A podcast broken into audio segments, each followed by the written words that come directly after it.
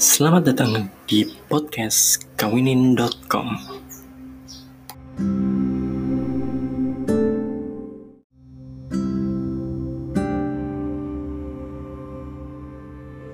Assalamualaikum warahmatullahi wabarakatuh. Hari ini adalah hari ke-12 sharing sehari 5 menit. Eh, nggak uh, kerasa udah hari ke-12 puasa dan di hari ke-12 ini saya mau sharing eh, mengenai adaptasi. Kenapa ngebahas adaptasi? Karena ini penting banget buat kita uh, buat menikah, apalagi buat teman-teman yang ta'aruf yang sebelumnya belum kenal lama, belum kenal uh, banyak dan belum tahu banyak soal pasangannya, adaptasi itu penting. Ya, uh, fungsinya ya sama untuk meminimalisir problem-problem yang terjadi dalam rumah tangga. Nah, pada dasarnya nikah itu kan uh, menyatukan bukan cuma sekedar dua orang tapi dua keluarga yang punya habit, punya kebiasaan, punya rutinitas, punya ideologi uh, yang berbeda-beda. Jadi pasti akan ada perbedaan-perbedaan yang terjadi antara kita dan pasangan kita. Misalnya uh, kita taaruf nih uh, prosesnya dua bulan tiga bulan setelah itu menikah.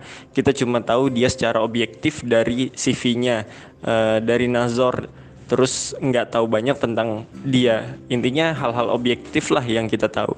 Ternyata dia punya kebiasaan yang menurut kita aneh yang menurut kita nggak biasa kebiasaannya. Tapi kita kan namanya hidup sama dia bakalan uh, lama nih bareng sama dia kita harus terbiasa sama kebiasaan dia yang mungkin kita nggak suka.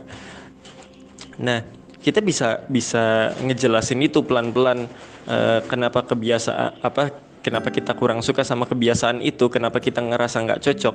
Tapi kan pada dasarnya uh, kebiasaan yang terjadi uh, yang dilakukan sama pasangan kita itu kan basicnya dari lingkungan dia, bisa dari lingkungan temannya temannya dia, bisa juga dari lingkungan keluarganya dia.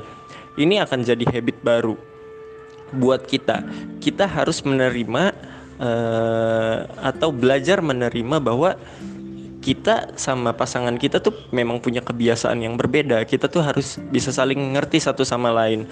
Lingkungan lingkungan kita eh, sama lingkungan pasangan kita jelas lingkungan yang beda cara kita bercanda cara kita ngobrol batasan-batasannya atau apa aja yang diobrolin itu kan akan akan ngasih perbedaan ngasih gap antara kita sama pasangan kita nah seperti yang saya bahas sebelumnya gap itu kan bisa ngasih masalah gitu bisa terjadi masalah karena adanya gap nah kita harus membiasakan uh, beradaptasi dengan menerima. Dan uh, menerima ini bukan cuma dari kita tapi dari pasangan kita sama-sama harus menerima. Dari gap itu kita harus cari nilai tengah gitu. Nilai tengah titik temu antara kita sama pasangan kita uh, kita sampai mana kita mentoleransi kebiasaan dia sampai mana dia mentoleransi kebiasaan kita. Sampai mana uh, kebiasaan kita harus dihilangkan sampai mana kebiasaan dia harus dihilangkan.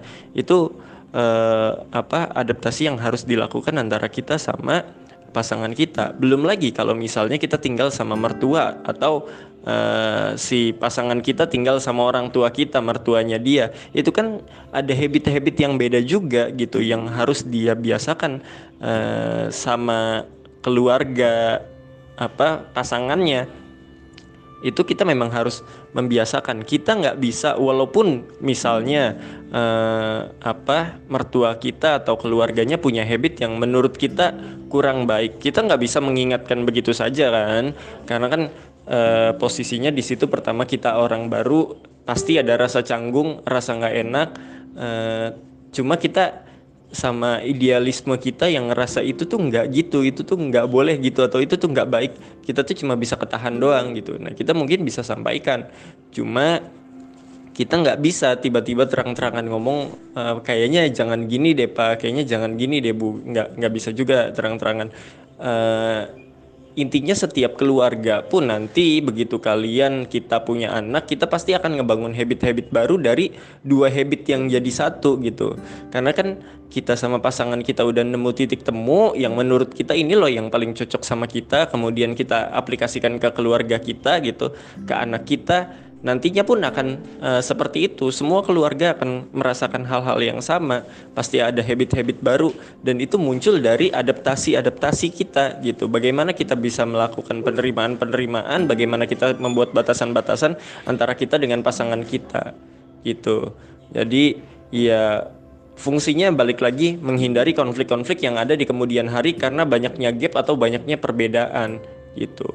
Uh, intinya dari sini adalah ya kita harus introspeksi diri, kita harus mengingatkan kebaikan dan kita harus konaah. Kita harus bersyukur kalau itulah yang diberikan terbaik sama Allah pasangan kita itu yang terbaik yang Allah kasih gitu. Intinya seperti itu. Gitu aja uh, dari saya. Semoga bermanfaat. Terima kasih. Mohon maaf kalau ada kesalahan. Wabillahi taufiq wal hidayah. Wassalamualaikum warahmatullahi wabarakatuh.